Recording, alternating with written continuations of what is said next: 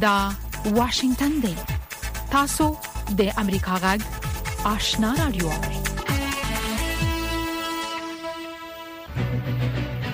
قدرمن اوریدونکو السلام علیکم زه شافیا سردار یم دا د امریکا غږ آشنا رادیو خبرونه پیل شوه لومړی به خبرونه واوري السلام علیکم درنو ریدونکو ستړي مشي زه زیبا خادم یم دا د امریکا غږ آشنا رادیو خبرونه ده د نړۍ د دې ساعت خبرونو ته ساسې پام را اړوم د ازادي رادیو د فلیپین د یو چارواکي لخوا خبر ورکړی دی چې که حکومت د امریکا وړاندیز تایید کړي په لومړي ګام کې به شپږ سوه افغان پناه غوښتونکي فلیپین ته ولېږدول شي د فلیپین جمهور رئیس د پنځشنبه په ورځ ویلي دي چې د واشنگټن په دې غوښتنې غور روان دی امریکا په دې وروستیو وختونو کې د فلیپین نه غوښتي دي چې یو څو وخت زرګونو هغو افغانانو ته ځای ورکړي چې د امریکا ویزو ته انتظار دي همداشان د فلیپین یو چارواکي اسوشیټډ پریس خبري اژانس ته ویلي دي چې د دوی امنیتي ادارې او د قانون د تنفيذ ادارې د امریکا په دغه وړاندیز باندې غور کوي کچېري ومنل شو په لومړي ګام کې به شپږ سوه افغانان د افغانستان نه فلیپین ته انتقال شي. د افغانستان د تحلیلګرانو شبکه وایي چې د طالبانو حکومت د کوکنارو د کښت او نشه يي موادو د تولید د مخنیوي لپاره اوږدمهاله عملي ستراتیژي نه لري. د افغانستان د تحلیلګرانو شبکې د طالبانو د حکومت لخوا د کوکنارو د کښت د منع کولو موضوع ارزیابي کړې او په دې هکله یې په خپل تازه تحلیل کې لیکلي دي چې له جامع اقتصادي او اجتماعي ستراتیژۍ پرته په افغانستان کې په بشپړ ډول د کوکنارو د کښت منع کول به نه یوازې دا چې د خلکو اقتصاد کمزوري کړي بلکې د افغانستان ملي اقتصاد ته به هم ډیر زیان واړوي بل پلو د اقتصاد او سولې انسټیټیوټ د 2023م کال د سولې په نړیواله درجه بندۍ کې افغانستان د 143 هیوادونو په منځ کې د نړۍ تر ټولو بې ثباته هیواد بللی دی دغه انسټیټیوټ په خپل 18 کلنی رپورټ کې لیکلي دي چې افغانستان د یمن، سوریې، جنوبي سوډان او د کانګو د دیموکراتیک جمهوریت نه وروسته په دې درجه بندۍ کې راځي. په دغه رپورټ کې چې په 2022 کال کې د نړۍ په 143 هیوادونو کې سوله د 23 کیفي او امنیتي شاخصونو د ارزیابۍ په بنسټ څېړل شوې ده، په جګړو کې د وژل شوو خلکو شمېر، د تلفاتو شمیر د وسلو صادرات د دهشتګرۍ پیښې سیاسي بې ثباتي او د بندیانو شمیر هم په نظر کې نیول شوی دی د طالبانو ویاند ذبیح الله مجاهد په ټوئیټر کې د ښاغلي سلمان سره د طالبانو د دفاع د وزارت د سرپرست ملا یعقوب عکس خپور کړی دی مجاهد لیکلی دی چې د دفاع وزیر ملا یعقوب د سعودي عربستان د ولیعهد محمد بن سلمان سره د حج د سفر په ترڅ کې ولیدل د سعودي خبري اژانس په بیان کې د طالبانو د چارواکو یادونه نه ده شوې، مګر راغلي دي چې ولیعهد د مالیزیا د باچا، د پاکستان، سینیګال او د بنګله دیش د جمهور رییسانو په شمول د هغو چارواکو سره ولیدل چې د حج د فریضې د ادا کولو لپاره سعودي عربستان ته ورغلي وو. خبرونه د امریکا غږ آشنا رادیو نه اورئ. د پیسو د نړیوال وجهي صندوق د ادارې مامورینو د پاکستان د حکومت د چارواکو سره دې حکومت ته د لنډې مودې لپاره د درې میلیاردو ډالرو مالي ملاتړ د برابرولو په سر خبرې کړي او موافقې ته رسیدلي دي. د هند د بهرنیو چارو وزیر ویلي دي چې نوی ډیلی به افغانستان ته سفیر ونه لیږي. ایس جې شنکر دا څرګندونې د هند په نړیوال تحقیقاتي مرکز کې په وینا کې کړي او ویلي دي چې د هند حکومت پریکړه کړې ده چې په کابل کې به یې سفارت پرانیستی وي مګر خپل سفیر نه ورلیږي د دوه زره او یوویشتم کال د اګست په میاشت کې د طالبانو د بیا واکمنېدو نه وروسته ډېرو هېوادونو په افغانستان کې خپل سفارتونه بند کړل، خو هند او ځینو نورو هېوادونو تر اوسه خپلې سیاسي نمایندګۍ نه دي بندې کړي. د افغانستان، سیمې او نړۍ خبرونه د امریکا غږ واشنګټن نه اورئ. د اوکراین نظامي استخباراتو نن د جون په دیرشمه ویلي دي چې روسیه د اوکراین په جنوب کې د ژپروژیا د اتومي بټۍ په اشغال کړي ستیشن کې ورو ورو خپل نظامي پرسونل کموي د اوکراین استخباراتي دفتر دا نه دی ویلي چې ولې ځینو خلکو له دې سیمې کډه کړې ده او رویټرز خبري اژانس دا معلومات نشي تاییدولی کیف پر روسیې تور پورې کړی دی چې په دې اتومي بټۍ کې د تروریستي برید پلان چې اتومي وړانګې ترې خپرې شوې دي دوی جوړ کړی وو مګر ماسکو دا تورونه رد کړي دي د ترکیې جمهور رئیس رجب طیب اردوغان د سویډن حکومت غندلې دی چې د قران شریف د یوې نسخې د سوځولو اجازه یې ورکړې او ویلي دي چې دا کار به په ناتو کې د سویډن د غړي کېدلو په مسلې سیوري وغوړوي اردوغان په خپل ټلویزیونی وینا کې وویل موږ به بل اخر د لویدیز مبتکرینو ته دا ورزده کړو چې مسلمانانو ته سپکاوی د فکر ازادي نه ده کاناډا، برتانیه، سویډن او اوکراین د جون په نهه ویشت مه ویلي دي چې په ایران کې د اوکرایني الوتکې د ویشتلو له کبله به ډیر زر ایران د عدالت نړیوالې محکمې ته کش کړي چې د وژل شوو کسانو تاوان ورکړي. کرملین په اوکراین کې د روسیې د پوځي عملیاتو د قوماندان د معاون سرګي سرویکین د تریتم کېدو په هکله لا هم چوپه خوله دی. جمهور رئیس ولادیمیر پوتین د واګنر د ملیشه ډلې د مشر ایفګیني پریګوژین له ناکام پاڅون نه وروسته د وضعیت د کنټرولولو هڅه کوي. جنرال سرویکن د واګنر ملیشو د تیرې اونۍ د پاڅون په پای کې تری تم شوی دی. د واګنر ملیشو د دوه زره او دوه ویشت کال په فبرورۍ کې په اوکراین د روسیې په یرغل کې مهم رول درلوده لدې نمخکې هم د سروي کندې نیول کېدو راپورټونه ورکړ شوی وو زیبا خادم امریکا غږ واشنگټن لومړی به دا راپورټ واوري چې د سوداګرۍ او پنګونې خونې چارواکي وایي اوس مهال افغان سوداګر د پاکستان په ګډون د افغانستان د گاونډیو هیوادونو سره د سوداګرۍ په برخه کې کومې لوی ستونزې سره مخ نه دی خو دا خونه د افغانستان او پاکستان څخه د اوپتا د تړون او د سوداګرۍ د نړیوالې ادارې دبليو ټي او د قوانينو تطبیق غوښتنه کوي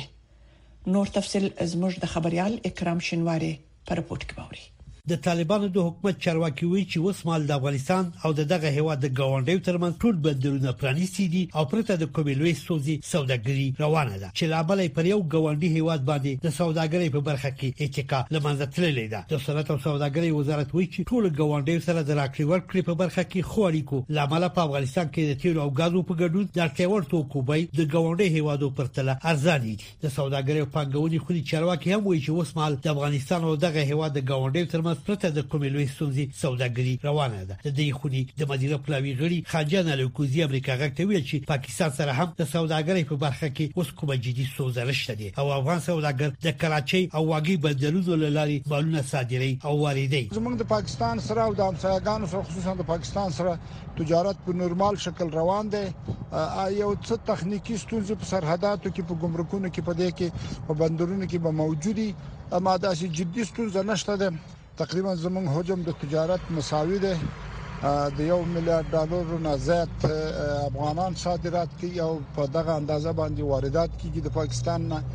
نو تجارت مو هم ورسره روان دی ترانزیت هم د کراچي او واګې د لارې نه کیږي خو د سوداګرۍ او پانګونې د خونې دغه چارواکي وایي چې د افغانستان او پاکستان سانترمن د سوداګرۍ په برخه کې په بشپړ ډول د سودو د هوارولو لپاره دي د طالبان حکومت او د پاکستان حکومت د دواړو هیوادو ترمنځ د سوداګرۍ او ترانزیت تړون اپټا او هم د سوداګرۍ د نړیوالې ادارې دبلیو ټي او قوانین تطبیق کړي مونږ غواړو چې دغه د اپټا قرارداد او دغه د دبلیو ټي او قوانین تجارتي دا په دې منطقه کې پلي شي، سهولتونه راشي او اقتصاد د سیاست نه جدا شي او ډیر زیات سیاسي نشي، په اقتصادي نورمونو شي، دا به ډیره ښه وي. اوس مهال افغانستان او پاکستان دواړه د دغې نړیوالې ادارې غړیتوب لري. افغانستان او پاکستان د دوه زره لسم کال د اکتوبر په میاشت کې د سوداګرۍ او ترانزیټ په برخه کې د اپټا په نوم نوی تړون لاسلیک کړی و، خو د دغه تړون اجرایوي موده د دوه زره یوویشتم کال د فبرورۍ په څوارلسمه پای ته رسېدلې او تر اوسه بل تړون نه دی لاسلیک شوی. پاکستان او پت ویلي چې په دغه تړون کې د تعدیلاتو د راوستو او د نوي تړون د لاسلیک پورې به د 2010 کال د تړون پر اساس د دواړو هیوادو ترمنځ سوداګري دوام ولري دا تړون دواړو هیوادو ته د دې اجازه ورکړي چې خپل منځو کې د سوداګرۍ او ترانزیت سربېره په سیمه کې نورو هیوادو سره هم سوداګري وکړي افغان سوداګر غواړي چې دغه تړون لمخې د واګې د بندر له لارې هند سره هم سوداګري وکړي خو د هند او پاکستان ترمنځ د ستونزو لامل پاکستان دغه بندر له لارې افغان سوداګرو ته په بشپړ ډول د سوداګرۍ اجازه نه ورکړي او واګې بندر په ځای د کراچۍ د بندر له لارې سوداګرۍ ته اجازه ورکړي تیرونې طالبانو په پزمایښتي ډول پاکستان ته د افغانستان له لارې د منځنۍ اسیا او روسیې څخه د تیلو او غازو د ترانزیت اجازه ورکړه په تیر جمهوریت نظام کې له منځنۍ اسیا او روسیې څخه پاکستان ته د افغانستان له لارې د تیلو او غازو د ترانزیت اجازه نه ورکول کېدله افغان سوداګر وایي چې تیر حکومت دا کار د دې لپاره کاوه چې پاکستان افغان سوداګرو ته د کراچۍ بندر له لارې افغانستان ته د سګریټو او د موټرو د پرزو د ترانزیت اجازه نه ورکوله اوس افغان سوداګر تمه لري چې په اقتصاد به هم افغان سوداګرو ته د کراچۍ د بندر له لارې د دغو توکو د ترانزیت اجازه ورکړي انتظار پای ته ورسید ترنو لیدونکو او اوریدونکو تاسو کولی شئ د امریکا غا ټلویزیونی او رادیوي خبرونه د یاشات ساتلایت له طریقو وګورئ او واورئ د نوي ساتلایت لارې تاسو د آشنا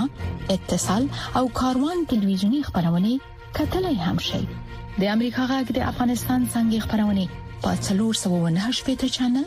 او د آشنا رادیوي خبرونه په 309 پټ چنل کې اوریدلای شئ لملتیا مو د تل پشان مننه رپورټونو ته دوام ورکوو درنوریدونکو پاکستاني چارواکو د لوی اختر په مناسبت افغان کډوالو ته پرته لويزو په تذکرو افغانستان ته د تګ اجازه ورکړي چې تر دې دمه څه باندې 15 زره تنه لکشري او وښتي دي افغان کډوال وایي چې په پاکستان کې د اسنادو پرته له پولیسو لخوا زورول کیږي نو ځکه خپل وطن ته تلل غواړي د بل خوا ډیر افغان کډوال د بیرته راتګ اراده هم لري خو په تذکره ورته د تللو اجازه نشته زموږ همکار مسکا صافي تورخم ته ورغلي او په دې اړه د راپورټ جوړ کړی دی د تورخم په دروازه کې په زورګونو افغان کډوال سور لمر او د خلکو کړهونه نه یوازې نارینه بلکې ښځې هم د اوسپنې له جالونو څخه ورهاخوا وړي د پاکستان حکومت افغان کډوالو ته اجازه ورکړی چې تر لوی اختر پورې له ویزې پرته په تذکرو خپل وطن ته ستانه شي یو شمېر افغان کډوال وایي چې له اسنادو پرته د پولیسو له لوري ځورول کېدل نو ځکه بیرته خپل هیواد ته روان دي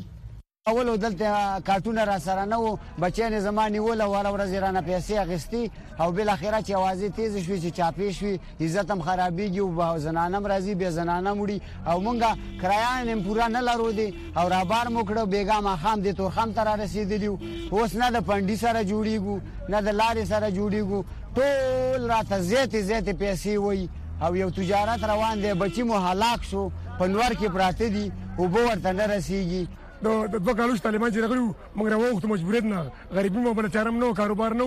دغه چې راوغوښتلو د ځکه تنګ ګلوس تنګولو نه پرې خودلو کله به یو ځکه ونو کله بل ځکه بس وای چې خپل وطن ته لاړ شي او چې دلته راغلی مونږ مونږ هیڅ انصاف نه کیږي دلته سبا نه راغلی او شپه دلته وکړه او ماشومان زما پنځه ماشومان دي پنځه واړه ورک دي دا کې نه لکه کوم غاړي لاړل د تورخم پر دروازه د اسانتیاو د نشتوالي له کبله دغه ښځې، ماشومان آن ناروغان هم څو ساعته د اوښتو په انتظار تېروي. د تذکرو اعلان سوی ده او په دغه لار باندې مونږ ځو اوس او بس دا سړی د کته پرته روان دي او مونږ دا سره ګرمي کې ناست ماشومان چیغې او کوکې راکوي بس مونږ ته دا لار خوشې کړي او دا ټول خلک دی ته پرېږدي.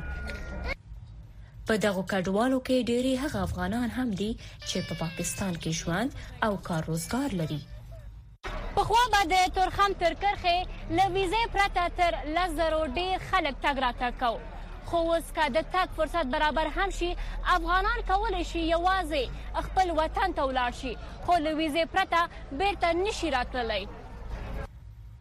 دوی وايي، له هغې غاړې هم باید اسانتیاوې برابر شي، کنه نو مجبور دي په قاچاقي توګه له کرښې واوړي.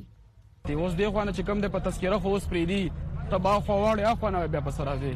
په غیر قانوني لارو به بیا راځي ځکه چې ویزه خپل ته بيخي نه وال کیږي زما خپل رورل ته شپږ میاشتې وشوي پوه شو چې د دولسم سیم دغه دغه نه فارغ شو ژورنالیزم پونځین هم د تاسو رښتا غیم اختیار کړی دا خو هغه غریب هلته ګیر دی ما پسې څو ځله ټلیفون وکړ چې دلته چې لاړ شې دننه خاصتار د کې د زنانو بې عزتي خپل چې ته لږ مخکې لاړ شې ته به دا د کې وګورې دا غوبل به وګوري سره اسانتیاوې شته نه چې یاره د افغانان هم چېرته انسانان دي که نه زه وایم چې د هر څه قدر به یې خو د افغان هېڅ قدر نشته دلته تر دې دمه څه باندې درې دېرش زره تنه افغانستان ته تللي دي. بل پلو د افغانستان څخه پاکستان ته د تګ راتګ لپاره پاسپورت او ویزه اړین دي خو افغانان په لوړه بیه د ویزو اخیستو وس نه لري. مسکا ساپۍ، امریکا غږ،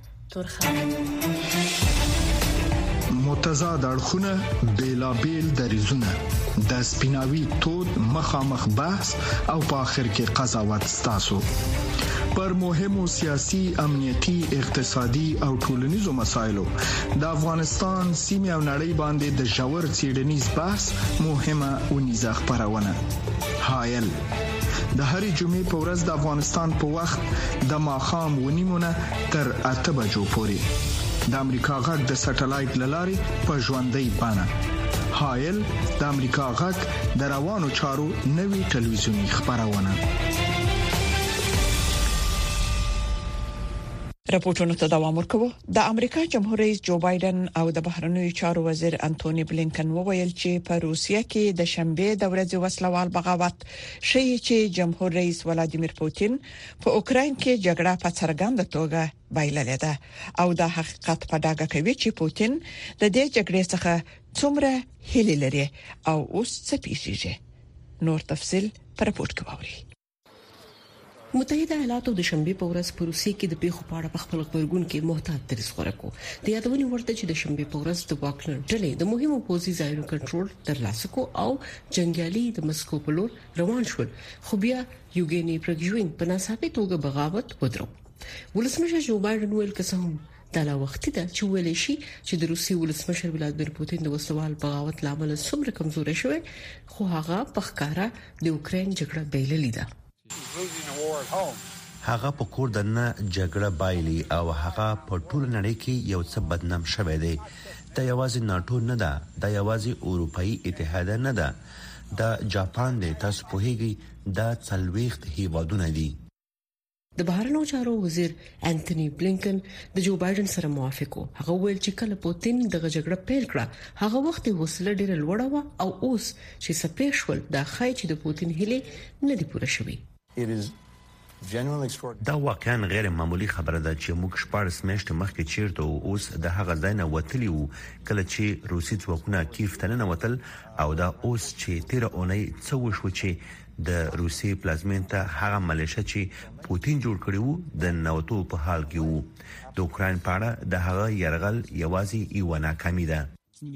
یو شیرون کې امریکا غږ ته وویل چې پوتین اوس هڅه کوي چې ځان ځواکمن وخایي ځکه چې هغه پویږي پرګژوین هغه کمزوري ثابت کو دغه پیښې په ډاګه کړه چې د حکومت ځینې جوړښتونه څومره کمزوري دي ځکه چې د پرګوژین د اقدام په وړاندې پوځي مقاومت موجود نه و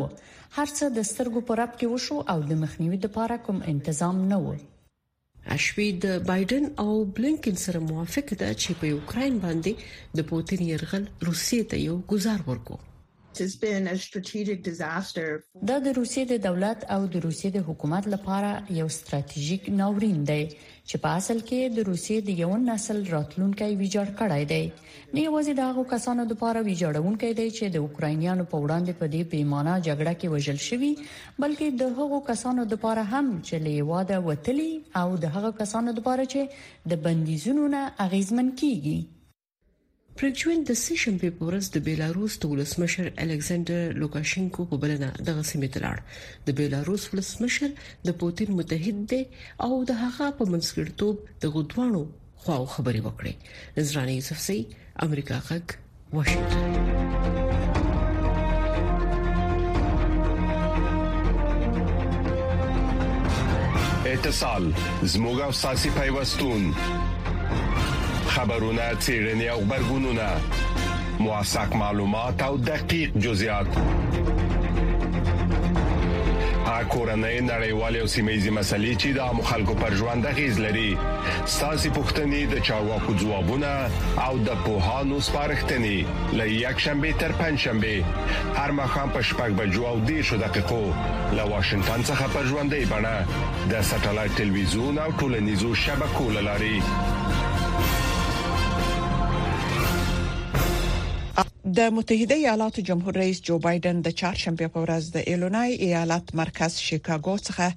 چې په یو وخت د امریکا د صنعت او کرهڼې زړه وو د لیدنې په مهال د نسمنو او بیا وزلو امریکایي کورنیو د یو بهتره مستقبل په خاطر خپل اقتصادي پلان معرفي کړ د بایډن پلان چې په خپل د بایډو نامکس په استعمار نوم مسما کړی نړۍ ته ورمعرفي کړ په دې اړه په واشنگټن کې د امریکا ژغ خبريالي انتینا پاول د رپورت خلاصه زموږ همکار سید سلیمان شاه تاسو ته دراوروي بایډونامکس یعنی څه شي جمهور رئیس جو بایډن د چهارشنبه پر ورځ په شیکاګو کې د خپل اقتصادي پالیسۍ د معرفي کولو په وخت په دې اړه په خپل وینا کې داسې وویل First, making smart investments in America. د بایډونامیکس مقصد د ټولنې له منځنۍ طبقې نه تر ټولو لاندې طبقې پورې د اقتصاد رغول دي یوازې د پاسنۍ طبقې مد نظر نیول نه دي او موږ د درې اساسي بدلونو دراوستلو پریکړه کړې او د عملي کولو لپاره مو د کانګرس ملاتړ حاصل کړی دی نومړی بدلون دا چې په امریکا کې ګټورې پانګونې وشي دویم دا چې د منځنۍ طبقې د پراختیا په موخه امریکایي کارګران وروزي او پیاوړي کړي او دریم دا چې د قیمتونو د ټیټولو په منزور په مارکیټ کې سلیته وده ورکړي او له کوچنیو صنعتونو سره مرسته وکړو بایډونامکس امریکایانو ته د 1980 میلادي په لسیزه کې د امریکا د پخواني جمهوریت غوښتونکي جمهور رئیس رونالډ ریګن ریګانومکس ورپیادوي رېګن په دې باور وو چې د هغه د پاليسۍ په وجه به د شتمنو امريکايانو ثروت په کراره کراره بې وزلو امريکايانو ته هم سرايت وکړي. بايډنامکس د اګونامکس سره بالکل متضاد دي. بايډن چې په دې اونۍ کې خپله کومه اقتصادي پاليسي اعلان کړه، مقصد يې دا دی چې د متحده ايالاتو د اقتصاد ګټه او خير بايد لومړی نېستمنو خلکو ته ورسېږي.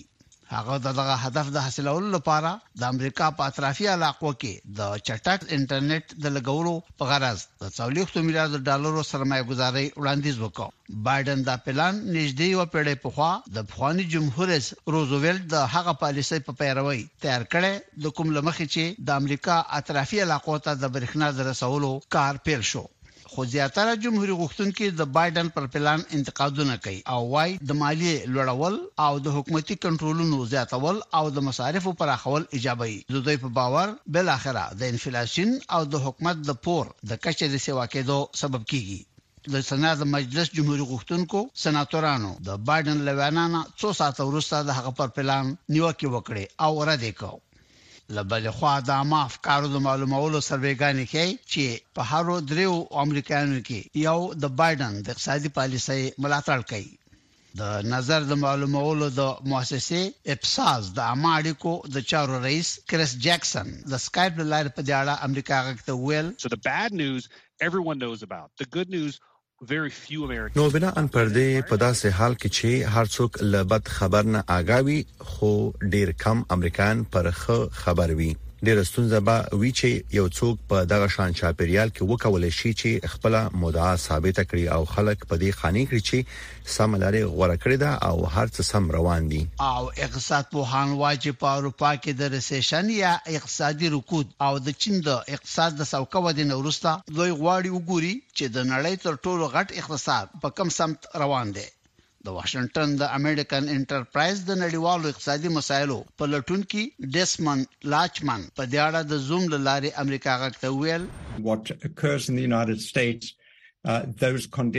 هر هغه څه چې په متحده ایالاتو کې پیښیږي همدغه شرایط بیا ټولې نړۍ ته خپریږي او له همدې تاسو پوهیږئ چې متحده ایالات باید حتما د بانکونو د سود نرخونو لوړول جاري وساتي ممکن چې دا کار هغه مخ پر ودی مارکیټي اقتصادونو لپاره واقعي ستونزې پیدا کړي چې مجبور دي خپل پورونه په ډالرو پرې کړي کولای شي د نړۍ مالی مارکیټونه هم له اقتصادي فشارونو سره مخامخ کړي. جمهوررئیس بایډن چې څو ورځې مخکې په جدیت خپل انتخاباتي کمپاین پیل کړ، وايي چې خپل ځان یې د دې لپاره د جمهوري ریاست د دویمې دورې لپاره کاندید کړی چې د خپلې پالیسۍ نیمګړي هدفونه حاصل کړي او خپله وظیفه سرته ورسوي. اقتصاد دا وخت د امریکايي رای ورکوونکو په نظر کې د هغوی د دریو غټو اندېښنو په سرفهرست کې قرار لري، بایډن یوازې اتلس میاشتې فرصت لري چې خپله مدعا په اثبات ورسوي. سید سلیمان شاه، د امریکا غږ، واشنګټن. د بدلون پر مهال کله چې د نړۍ وضعیت څرګند نه وي او کله چې اوریدل له عیني واقعیتونو سره سمون نه خوري، موږ په حقیقت پسې ګرځو.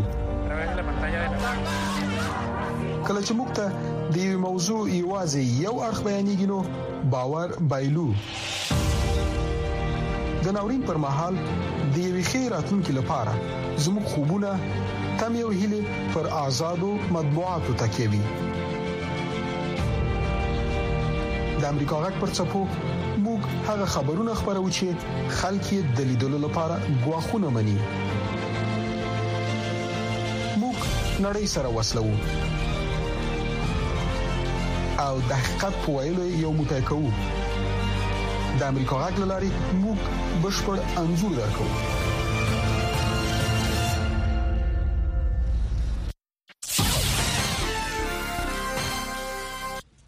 قدرمن اوریدونکو د دې اوس په د امریکا غږ سره مقاله ووري چې د امریکا د حکومت نظر څرګندوي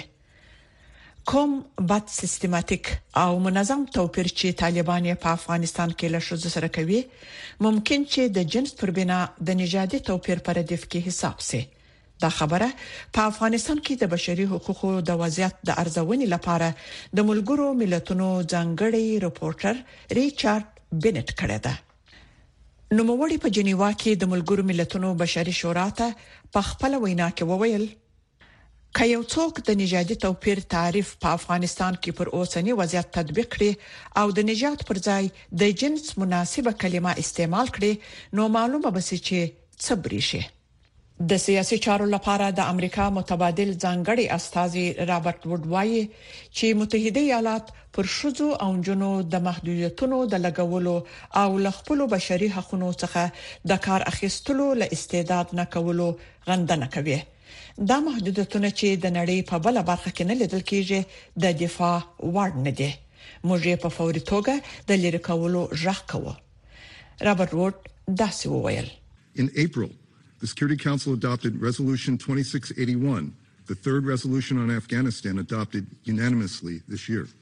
په اپرېل کې د ملګرو ملتونو د امنیت شورا پرېکړه لیک نمبر دوه زره شپږ سوه یو اتیا صادر شو چې دا د افغانستان په اړه د ملګرو ملتونو سږکال درېیمه پرېکړه وه چې په متفقه توګه صادر شوه. د دې پرېکړه لیک مسوده د ملګرو ملتونو له نویو څخه زیاتو غړو هېوادونو په شریکه وړاندې کړې وه. طالبانو، افغانانو او نړۍ ته یې دا څرګند پیغام ورساوه چې موږ به پر ښځو او نجونو د طالبانو ظلم ونه زغمو. واقعاً چې د ښځو پر فعالیتونو باندې د طالبانو له خوا لګیدلي محدودیتونه په افغانستان کې د بشري بحران د وخامت باعث کیږي چې په خیریه موسسو کې له کار کولو نه د منع کولو په وجه خلکو ته د بشري مرستو د رسولو عملیات ټکني کیږي او ډونران هم بسپني ورکولو ته چې دا وخت خورا ډیر سخت ضرورت ورته لیدل کیږي زړه نه ښه کوي نوموړی داسې وايي. This year, however, we can already see the impact of reduced international support for Afghanistan. بیا هم موږ سږکال د افغانستان لپاره د بشري مرستو د کمېدلو او هغو خیریه موسساتو د تړل کېدو چې ښځینه او کارکوونکو پکې کار کاوه، راشنونو د قطع کېدو او د هغو کسانو د شمېر د کمېدلو ناوړه اثر همدا اوس مهال ګورو چې د خوړو د لاسته راوړلو لپاره یې پر مرستو ګوزاره کوله. سفیر ووډ وویل چې د خنډونو او عاجلو نړیوالو لومړیتوبونو باوجود موږ نه شوای کولای چې افغانانو مخ په زیاتیدونکو اړتیاوو ته شا کړو. متحده ایالات به د بشري مرستو تر ټولو ستر ډونر په صفت د افغانستان له ولس څخه د ملاتړ په برخه کې خپل رول لوبول جاري وساتي.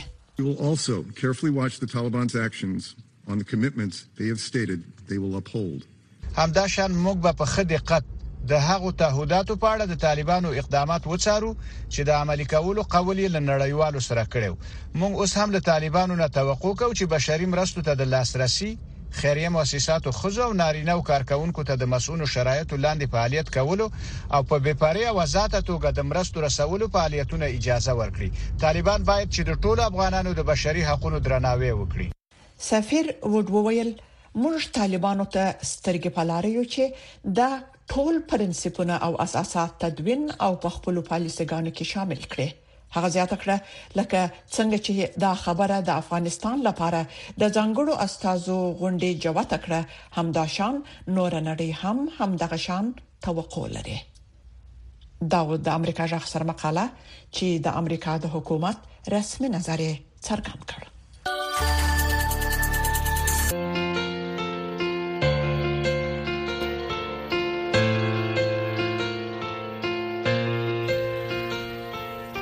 درنوریدونکو زموږ د خبرونه په همدې ځای پای ته ورسیده د امریکا جغ آشنا را دوه خبرونه دوام لري